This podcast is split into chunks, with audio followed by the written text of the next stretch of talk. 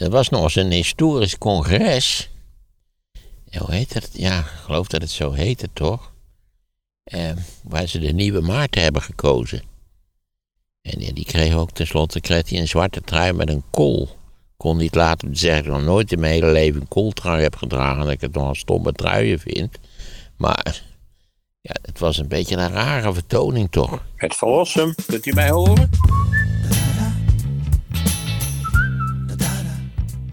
Peter Weersing komt uit Zevenaar en eh, die zegt... Maarten, ja, eigenlijk is de enige optie voor eh, de eh, oplossing van de oorlog Oekraïne-Rusland onderhandelen. Ja, dat is een redenering die velen echt nahouden. Denk ik dat er tenslotte gesproken zou moeten worden, onderhandeld zou moeten worden. Ja, dat denk ik.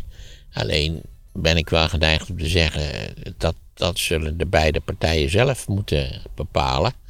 Nu op dit moment is het duidelijk dat van geen van beide partijen, eh, de, bij geen van beide partijen de wens bestaat om te onderhandelen.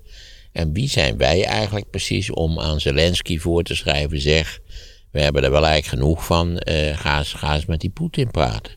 We zullen het aan Zelensky over moeten laten. Uh, je kunt ook wel een lans breken voor het feit dat, ik weet niet wie dat zei, dat het uiteindelijk essentieel is om Poetin echt aantoonbaar te verslaan.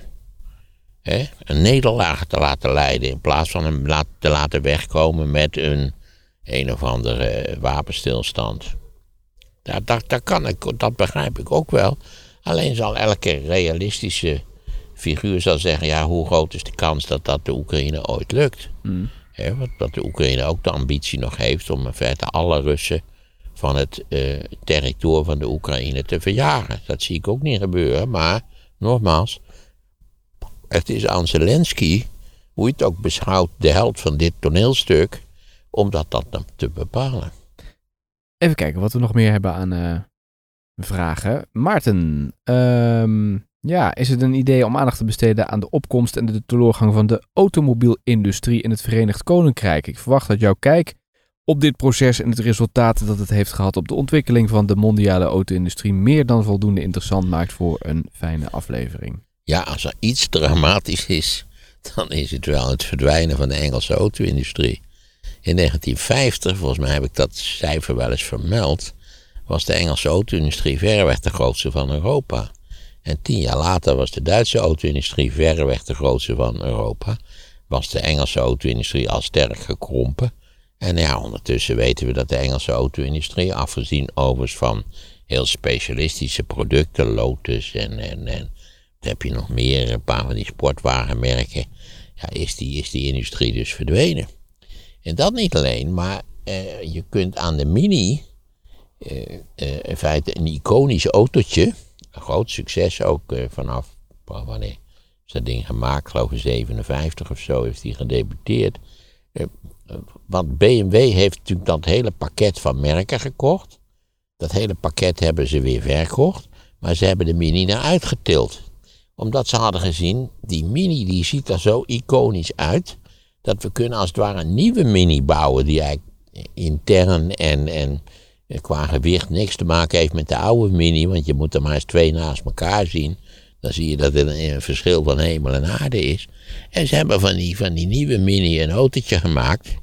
Uh, ja, ik vind een belachelijk autootje voor een belachelijke prijs, maar dat moet iedereen helemaal zelf weten. En hij, BMW die heeft daar honderden miljoenen aan verdiend.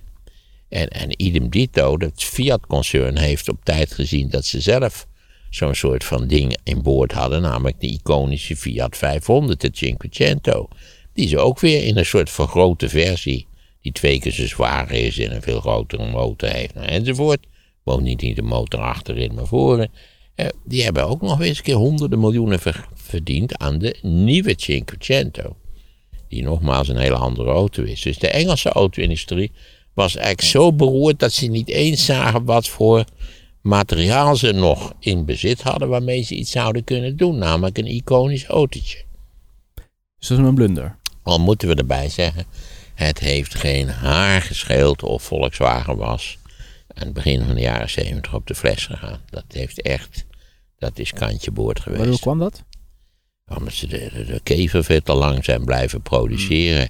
En omdat ze als opvolger van de kever allemaal luchtgekoelde achterin van een motor voorziene auto's hadden gebouwd. Ja. En eh, nou ja, dat bleek niet de weg te zijn. Godzijdank hadden ze ook weer zo'n merkwaardig incident.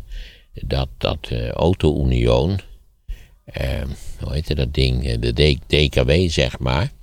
Dat was ook in de verkoop geraakt. Dat was eerst, eerst door Mercedes gekocht. Die hebben er eigenlijk niks mee gedaan. En, en toen heeft Volkswagen heeft dat, dat, uh, die, die boedel overgenomen. Maar daarin zat een heel nieuw ontwerp van een nieuwe, nieuwe DKW, zal ik maar zeggen. En eh, daarmee hadden ze alle techniek aan boord om een nieuwe, eh, een soort nieuwe Volkswagen te bouwen met de motor voorin en alles wat daarop en eraan hoort, namelijk de Golf. En met de Golf zijn ze natuurlijk eh, uit, uit de as race, om het zo maar te zeggen. Verwacht je dat dit proces ook doorgaat richting het oosten, dus verder opschuift, dat Duitsland straks ook niks meer voorstelt? Nee, dat denk ik niet, want dan zou je. Want vergeet niet dat er. waar verdient VW nu zijn geld? In China.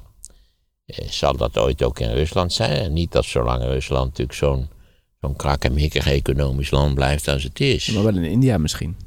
Nou, India, dat zou kunnen. Je weet nog dat ze in India hadden, hadden ze toch, Tata had zo'n, toch zo'n ontzettend leuk autootje gebouwd, wat, wat ideaal was om, om heel India te motoriseren. Nou, daar stond overal de kranten mee vol en hoe bijzonder het wel niet was. En nou ja, het bleek uiteindelijk een klootautootje te zijn en het is volgens mij volledig mislukt, dat project. Eh, ook in India wordt de markt, dacht ik, beheerst door Japanse producenten. Maar dat, dat weet ik eigenlijk niet precies.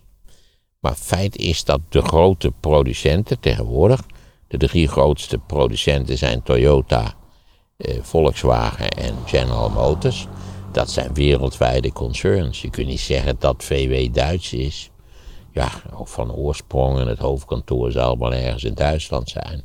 Maar het is een, het is een wereldconcern. Heb je ook gelezen dat Lightyear een bestelling van 10.000 zonnepaneelauto's binnen Ja, dat heb ik gezien, ja. Nou, vond ik wel interessant, ja. Ik blijf erbij dat, althans de beschrijving die ik heb gezien, dat dat uh, wel erg uh, utopisch geredeneerd is. Maar uh, ik ben heel benieuwd. Vind je een mooie auto? Hij zag er wel lekker uit. Ja, veel te duur. Het hele probleem met al die elektrische auto's dat ze veel te duur zijn natuurlijk. Maar met het zonnepaneel op het dak? Heb ik niet vorige keer gezegd? Neem een elektrische auto. Het ding moet zo'n beetje zo groot zijn als een golf. Of misschien een net een klein maar half maatje groter. Uh, actieradius 400 kilometer, ook in de winter. Nou, dat, is, uh, dat koop jij niet voor minder dan 45.000 euro. Dat is voor, uh, wat, wat geeft de gemiddelde Nederlander als een auto uit? Die koopt zijn tweedehands, een betrekkelijk kleine auto. Maar je hebt het hier steeds over. Waarom vind je dat zo'n probleem? Omdat voor iemand met een modaal jaarsalaris, dat is in Nederland nog geen 40.000 euro is natuurlijk de aanschaf van een auto van 45.000 euro. Dan ben je niet goed sneak als je dat doet. Dan kun je toch een beetje sparen? Nou, dan ben je nog, nog veel erger gek dan ik dacht dat tot de mogelijkheden behoorde. Nee, dan koop je natuurlijk een aardig leuk tweedehandsje. Weet ik veel wat je doet. Een Suzuki'tje of zo van voor tweedehands vier jaar oud. Wat zal het kosten? 18.000, 19.000 euro, dat zal je maximale budget zijn. Je zet wat afschrijving opzij en je moet voor grote uitgaven natuurlijk wel een beetje sparen. Je bent knettergek als je meer dan 10% van je inkomen aan een auto besteedt. Ook als je spaart daarvoor? Ja, knettergek. De auto is een gebruiksartikel. Je spaart toch ook niet voor een ijskast? Je kunt tweedehands in Nederland prima auto's kopen die, eh, waar je met z'n vieren in kunt. De kachel doet het. Uh, nou ja, heb jij betaald voor dit Audi'tje? Voor deze 23.000 euro. Nou, kijk. Een hele Audi voor 23.000 euro. Ja, tweedehands. nog aan, de, nog aan de prijzige kant. Maar, hoe lang heb je wel? Vanaf 2016, eh, denk ik. Nou, maar kijk, je hebt hem al, al zeven jaar. Nou, heel verstandig. Stel voor dat je zegt, nou nee, ik ga sparen, want ik wil wel zo'n uh, ik wil zo'n Q5, wil ik eigenlijk. Hè? Maar ja, wilden er wat op en aan, een open dakje, weet ik veel wat. Uh, Voordat je, voordat je gehoest hebt, ben je 75.000 euro kwijt. Dan ben je toch gek als je dat zou doen?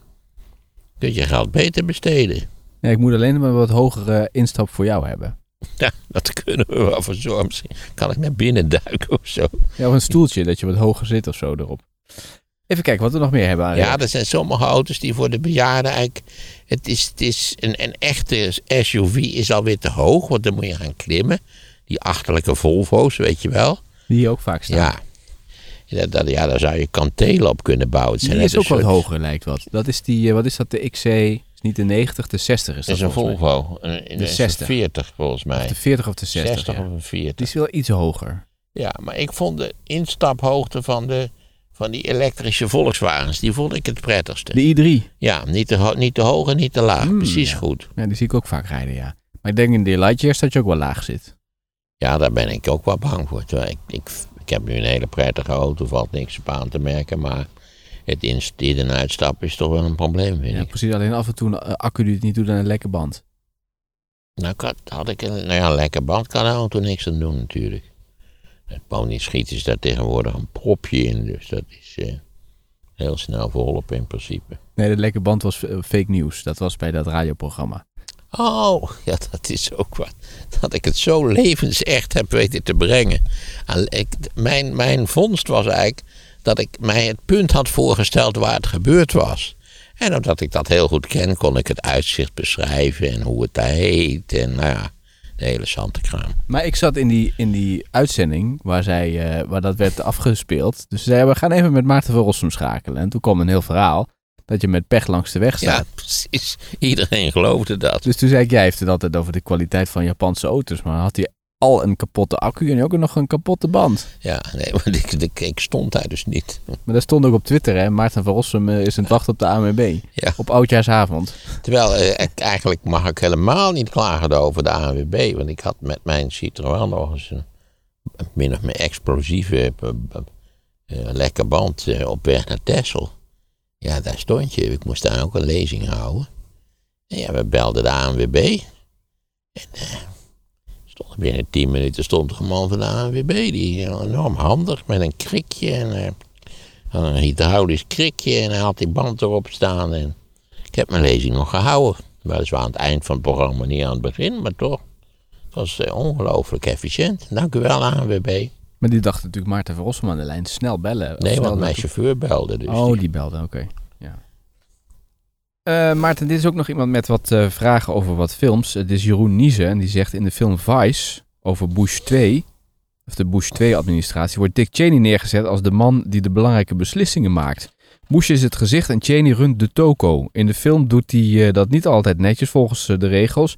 Ik vroeg me daarom af, kan een vicepresident van de VS worden afgezet zoals een president kan worden geïmpeached? Of is de president altijd verantwoordelijk voor de daden van zijn vicepresident? Volgens mij kan hij impeached worden. Net zoals als leden van het Hoge Rechtshof ook impeached kunnen worden. Oké. Nou, daarin is eh, voorzien. Het feit is wel dat Cheney een heel belangrijke stem had in de eerste termijn van Bush junior. In de tweede termijn hadden ze, waren ze er wel achter gekomen dat Cheney natuurlijk ook in allerlei opzichten een brokkenpiloot was. Want ja, die is natuurlijk, werd toch wel afgeschilderd als de hoofdverantwoordelijke voor de inval in Irak. Al ben ik geneigd om te zeggen, sorry. eh, eh, hij had misschien een belangrijke adviserende taak, maar de hoofdverantwoordelijke is de zittende president. Ja. Die moet dat besluit nemen.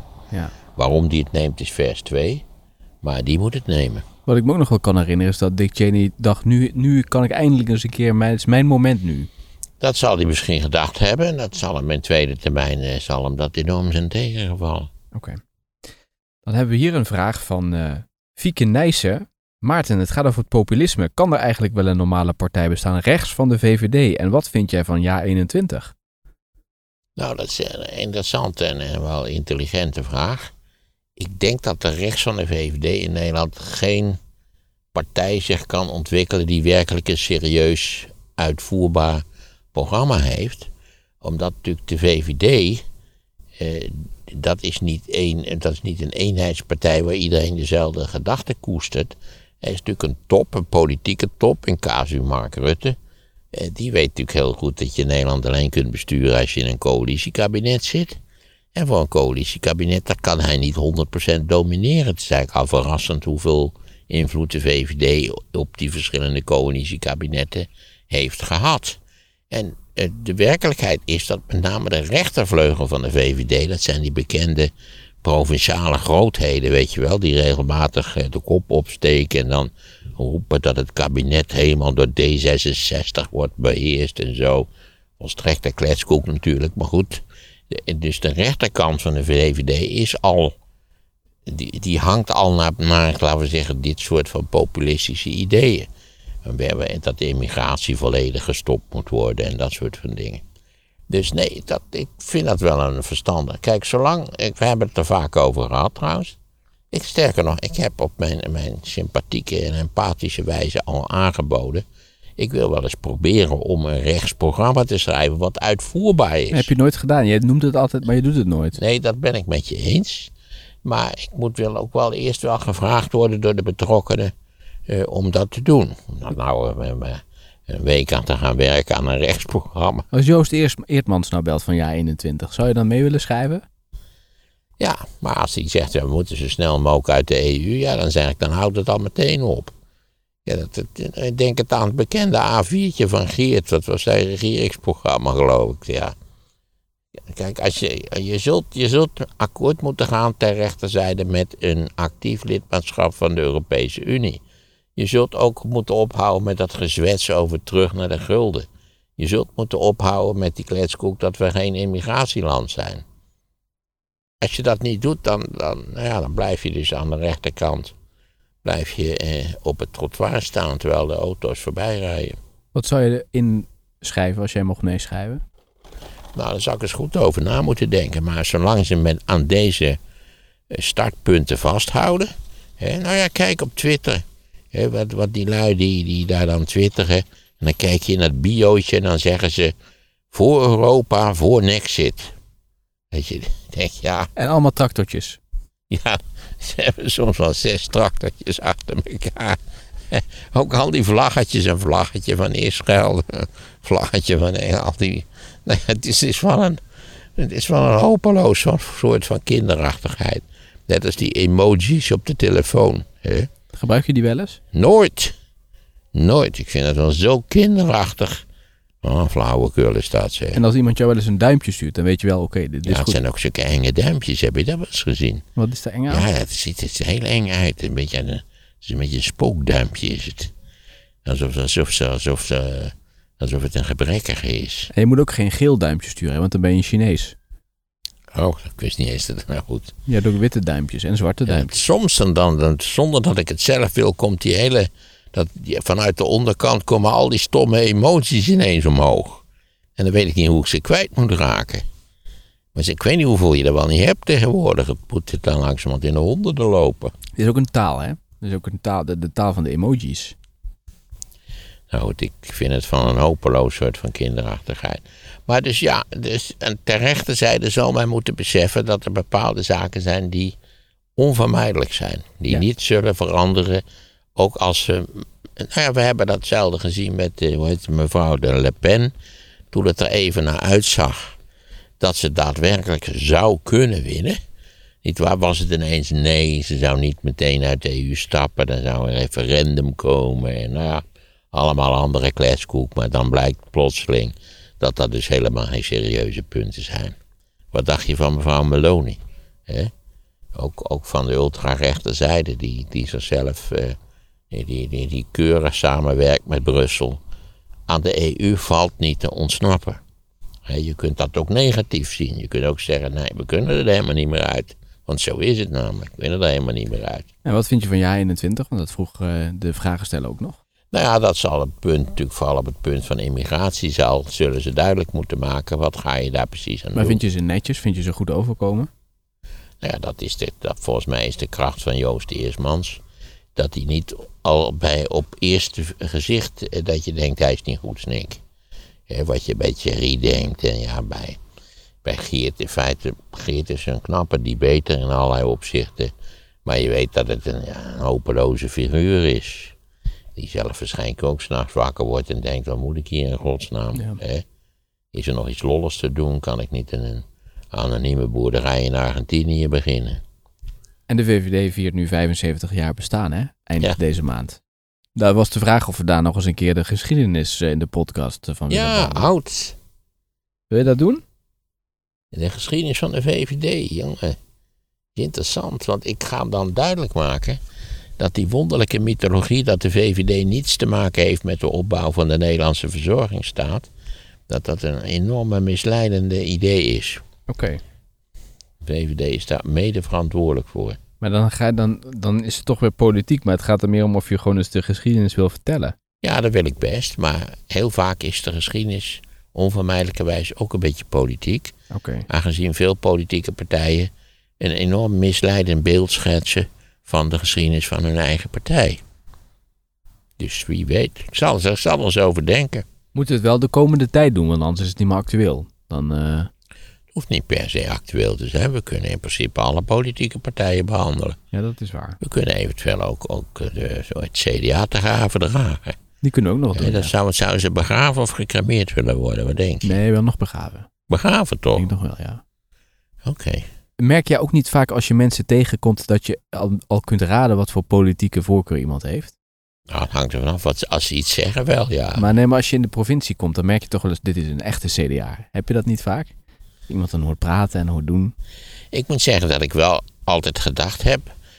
Dat, als ik op zoek zou zijn naar een CDA-leider die die partij weer uit de ellende zou kunnen trekken. Dat wel de aller, allerlaatste figuur die daarvoor geselecteerd zou moeten worden Wopke Hoekstra is. Die natuurlijk niets te maken heeft met, nou ja, wat jij nu schetst. Dat is geen provinciaal. Hè. Die zou je ook bij de VVD neer kunnen zetten. Als Ja, hij is voorzitter van Minerva geweest in Leiden. En waar in Utrecht naar het stedelijk gym geweest. Ik bedoel, En bij dat heeft echt, echt helemaal niks met het CDA te maken. Wat dat betreft is natuurlijk. eh, maar ja, zelfs de BBB-mevrouw komt, is, is, heeft een journalistieke achtergrond. Dus ik zou wel graag een, een beetje een intelligente boer zien. Beetje Mansholt-type, maar dan gemoderniseerd. Hm. Mansholt was zelf een succesvolle eh, grote agrariër. Misschien die Vierman, hoe heette die? We hebben ooit toch de minister van, eh, van, van Landbouw gehad, Vierman. Die had, die had zelf volgens mij ook in Frankrijk een omvangrijke farm. Ja, maar dan zou Henk Bleek ook nog geschikt zijn. Heeft hij een boerderij? Nou ja, Nou, die kweekt ponies, dat is weer heel wat anders volgens mij. Ik zie hem nog wel af en toe zitten. Hij wordt wel nog eens gevraagd. Maar volgens mij is het omdat hij wel ook wel van de ophef is. Ik weet niet, je hoeft alleen maar dat, die scène te draaien, dat hij die arme jongen, die vluchteling, dat, Mauro. ja, dat hij daarmee naar, wat was het ook weer, naar PSV wilde Ja, geloof ik. het briefje van Bleker. Ja, dat was verschrikkelijk. Dat is echt verschrikkelijk. Hoi Maarten, kun je misschien iets vertellen over het oeuvre dat je gedurende je carrière hebt geproduceerd? Zijn er bijvoorbeeld gepubliceerde boeken of essays waar je met een bijzonder genoeg op terugkijkt? Zijn er andersom ook werken waar je terugkijkt en toch minder tevreden van bent geworden? zeker. Alle, alle, alle vragen kan ik ja zeggen. Maar hij kan heel simpel op de Wikipedia-pagina kijken. Want er staat alles wat ik ooit geschreven heb. Staat er in een lijstje onder elkaar. Inclusief ook die, eh, die cd's die ik gemaakt heb met die, met die colleges voor, de, voor het Studium Generale. Maar waar ben je minder tevreden over? Dat vraagt hij ook. Ja, waar ben ik minder tevreden over? Eh, waar ben ik zeer... Ik ben heel tevreden over drie oorlogen. Ik denk dat dat... Al, al is een deel daarvan ook, zou ik nu misschien al... Kijk, het is bijna altijd zo dat als je, dat je iets geschreven hebt... dat je vijf jaar later denkt... nou, dit zou eigenlijk wel iets beter kunnen... of dit zou anders kunnen. Dat, maar je hebt ook dingen die je leest dat je denkt van... zo, dat is ongelooflijk dat ik dat zo lollig op papier heb gezet ik, door omstandigheden las ik enige tijd geleden een, hoofdstuk uit mijn dissertatie. Nou, dat had ik echt al, al weet ik veel, twintig jaar niet gedaan of zo. En ik denk, godverjuur, nou, een intelligent stuk eigenlijk. En eh, ik ben veel simpeler gaan schrijven. Ik vond het eigenlijk nogal vrij ingewikkeld allemaal. Maar ik was er wel over te spreken. Ik vond een goed hoofdstuk eigenlijk. Wat vond ik nou waardeloos dat ik geschreven heb. Ik denk, daar moet ik eens even over denken. Als je terugkijkt op je carrière, denk je dan eerder aan eh, Maarten van Rossum als de, de man van de Universiteit Utrecht of was Maarten van Rossum de mediafiguur? Er is geen verschil tussen het een en het ander. Het is dezelfde persoon in allerlei opzichten. Het is wel zo dat ik was gepromoveerd.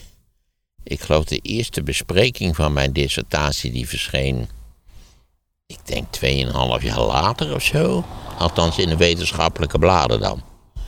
Eh, maar ik werd, de eerste bespreking was van Bart Tromp in Vrij Nederlands. Een hele positieve bespreking. En eh, vervolgens heb ik dat boek geschreven over de Verenigde Staten, wat eh, eigenlijk een beetje uit, uit de rafels van die dissertatie heb, had ik er bij elkaar geveegd. En, maar dat is toch naar mijn idee wel een aardig boek geworden. En dat is ook heel positief besproken in, in de landelijke pers. En toen dacht ik wel van, nou ja, kijk nou eens wat ik nu geproduceerd heb toen dus. Dit speelt allemaal in, in 83, 84. Wordt in de populaire pers goed besproken. En, en, die, en die stomme wetenschap, dat, daar moet je jaren op wachten tot iemand er iets over zegt. Dat ik wel dacht van, misschien is het wel een lollig dat ik in deze richting toch iets meer in deze richting koers. Ja, dat heb ik wel gedacht.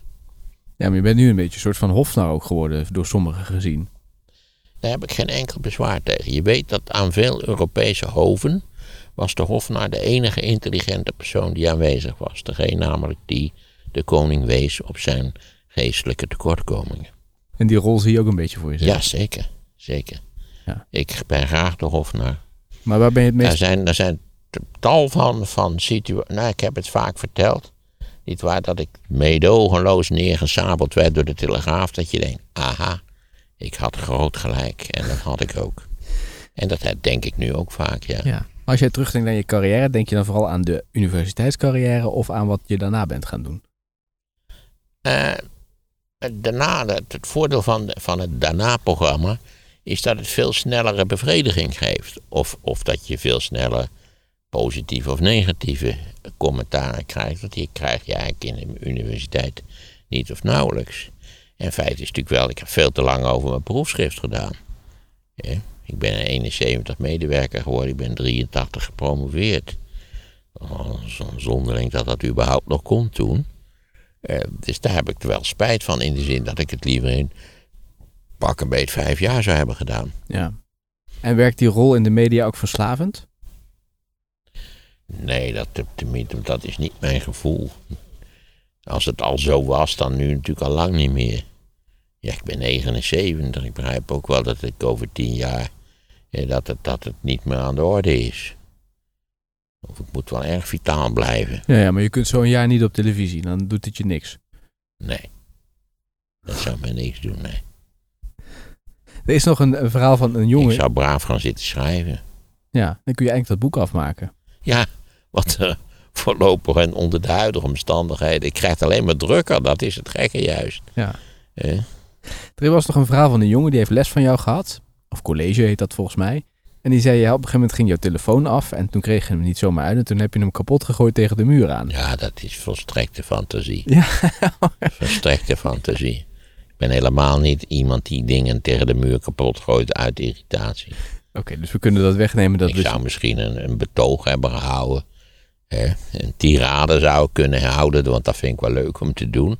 Maar nee, dit heb ik dus. Dit is pure 100% fantasie. Oké, dus bij deze nog recht gezet. Dat is Ja. nooit gebeurd.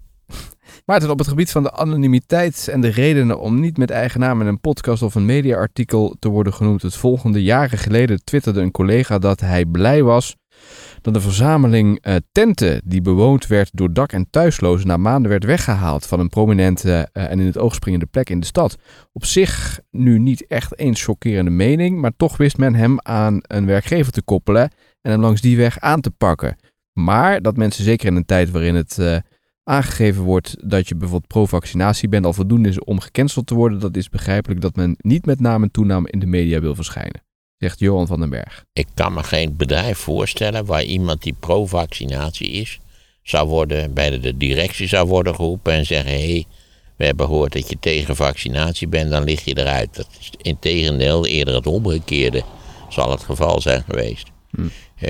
Dat, je, dat zowel de directie graag ziet dat je wel gevaccineerd bent, omdat anders het risico bestaat dat je allerlei andere werknemers aansteekt. Dus nee, wat, wat het ook is, anonimiteit is not done. Heel jammer, maar zo is het. Vind je eigenlijk dat we met een identiteitskaart gekoppeld moeten worden op het internet? Dat je ziet wie wie is? Nee, dat, ik wil, zou het wel graag zo zien dat ze ten eerste op- opereren met hun echte naam. En nou heb ik begrepen dat, dat mensen die er verstand van hebben, heel makkelijk iemand kunnen traceren die eh, op, op het internet berichten verstuurt. Ook op Twitter. Ook op Twitter, ja, als ik het wel heb, maar dat weet ik niet zeker. Maar hoe zou je dat dan moeten doen? Geen idee, maar omdat er, je hebt een, je hebt een IP-adres, hoe Ja, heet dat? De kenteken van je, van je computer? Ja, precies. Dus ze kunnen je vinden. Ook Hm. van, die, van al die lui die misbruik maken van, van het internet. die, als het maar erg genoeg is, die worden tenslotte opgespoord en gepakt. We hadden nu die meneer met al die, met al die honderd meisjes of zo. Dat die meisjes zo stom zijn, dat begrijp ik niet. Maar goed, eh, ja, die Ja. is wel opgespoord. Jos Vissers zit in Boston, groot fan van de podcast. Ik wil de rest van mijn leven nog graag naar Maarten luisteren. Maar wie is nu de nieuwe Maarten? Kunnen we geen reality tv-show organiseren waarin Maarten de nieuwe Maarten uitkiest? En kunnen we in de tussentijd Maarten niet tot nationaal erfgoed verklaren? Groetjes uit Boston. Er was nog eens een historisch congres. Hoe heet dat? Ja, ik geloof dat het zo heette, toch? Eh, waar ze de nieuwe Maarten hebben gekozen. En ja, die kreeg ook tenslotte kreeg hij een zwarte trui met een kool. Kon niet laten zeggen dat ik nog nooit in mijn hele leven een kooltrui heb gedragen. Dat ik het nog een stomme truien vind. Maar ja, het was een beetje een rare vertoning toch. Maar dan moeten ze ergens een nieuwe, de nieuw gekozen Maarten. Het, zal, het is jaren geleden. Het was een Leidse, Leidse historicus, een veelbelovende jonge historicus. Ja, waarom hij als zodanig is, dat ben ik al lang allemaal vergeten. Heb je hem ontmoet? Ja, zeker. Ik, ik stond daar op het toneel met de nieuwe Maarten. En En hand geschud en zo. En, eh, jij was de eenmansjury ook daar. nee, ik had er niks mee te maken. Ik, mijn, het was mijn, ik, ik had niks te kiezen. Ik kon wel verder een bal schelen wie het werd, moet ik je wel eerlijk bekennen. En ik lees nu ook regelmatig dat het ook ten aanzien van de slimste mens toch zaak is dat ik nou echt vervangen word door een, een iets modernere figuur. Maar we hebben van deze jongen in Leiden niks meer gehoord. Nee, eh, hij heeft het, het nieuwe maartenschap heeft hij niet, niet echt eh, tot op de bodem uitge, uitgebaat. Nee. Nee, oké. Maar hij moet er zijn. Eh, Misschien onder de luisteraars eh, iemand die nog weet wie het is. Het was een hele poppenkast. Het was daar in, in, wat, het was daar in, in, in Amsterdam, in dat gebouw daar wat, eh, wat op, de, op de Dam uitkijkt. Ik hoor Marcel van Roosmalen nog wel eens vallen als ze het hebben over de nieuwe Maarten. Ja, die heeft natuurlijk diezelfde een beetje morsige uitstraling A. Een beetje een trage prater ook. En, en hij heeft een scherp oog voor de absurditeiten van het dagelijks bestaan. Nou ja, dat is een hele mooie combi natuurlijk. En hij is ook echt een merk geworden nu. Ja, en ik moet zeggen, hij heeft ooit aan de slimste mens deelgenomen. En toen zei hij tegen mij, dit is jaren geleden, ik ben van plan een merk te worden. En Hij, hij is volledig geslaagd in die onderneming. Omdat dat natuurlijk voor iemand die, die afhankelijk is van, van zijn journalistieke inkomen in de ruimste zin van het woord, is dat essentieel, is dat enorm belangrijk als je een merk bent. De vraag is natuurlijk hoe lang je het kunt blijven, dat, dat is er weer bij, dat komt er weer bij. Voor mij is het niet belangrijk of ik een merk ben, ik heb een pensioen. Maar ook als ik 101 word, heb ik een pensioen. Maar ben jij er bewust Ik ben van, wel blij dat ik niet bij de DSM een pensioen ben, heb, dat wel. maar ben je er bewust van dat je een merk bent? Tot op zekere hoogte wel, maar, maar het is niet iets wat, waar ik bekommerd over ben. Het is, het is toevallig ontstaan. Ik, ik weet nog wel dat ik volstrekt verbaasd was over het feit dat ik plotseling eh, een bekend iemand was geworden. Ja, daar hou je helemaal geen rekening mee. Je weet ook niet hoe dat is. Ik geloof dat ik, ik stond bij de groenteboer die over zo lang weer weg is, waar, die, waar ik al, al jarenlang mijn, mijn boodschappen deed. En ik zei, ik wil ook nog wel een bakje eh, champignons. Eh, je weet, die zitten van die blauwe bakjes. En ik, dat wou ik zo uit die, uit die vitrine pakken. En toen zei die man, nee meneer Van Rossum, eh, u krijgt even een vers bakje.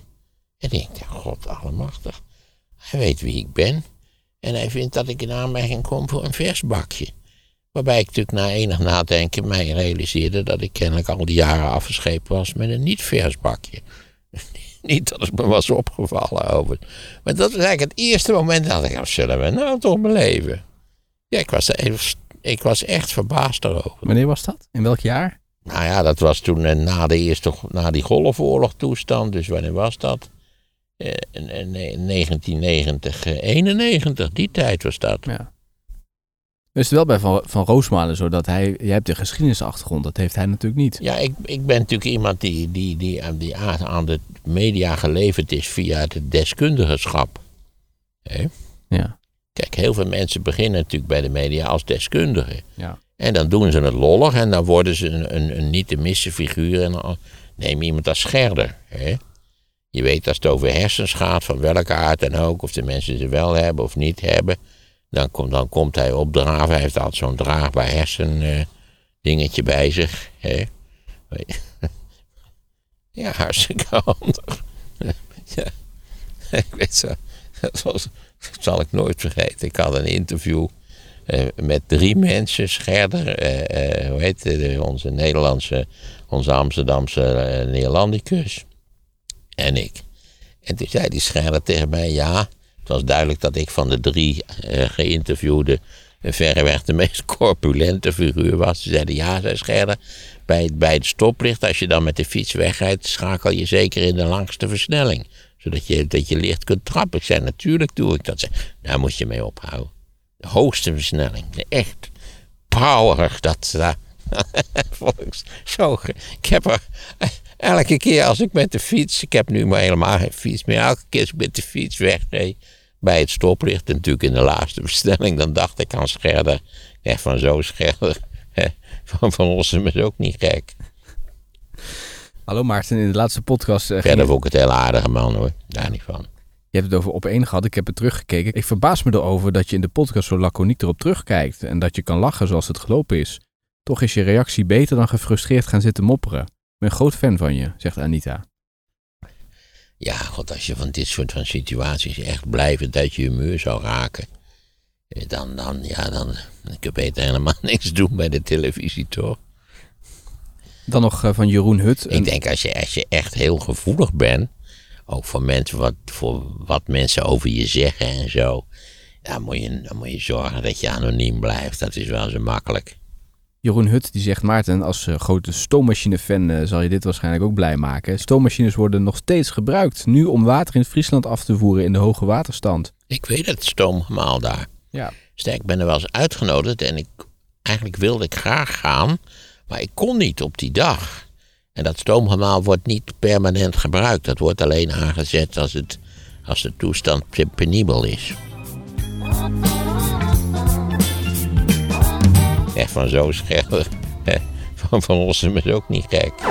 Ik heb laatst gelezen wat, wat de Apple eraan verdient en wat de Chinezen eraan verdienen. En dan moet je toch ook als Chinees denken, we doen iets fout. Dit moet op korte termijn moet dit veranderd worden. Want dit is een hele onrechtvaardige zaak. En dat is het ook in allerlei opzichten. Maarten over de geschiedenis van China. Wat zich voltrekt in China en India en andere Aziatische landen is niet meer dan een onderdeel van datzelfde enorme proces wat ooit begonnen is tussen 1690 en 1750. Download het luisterboek via de link in de show notes.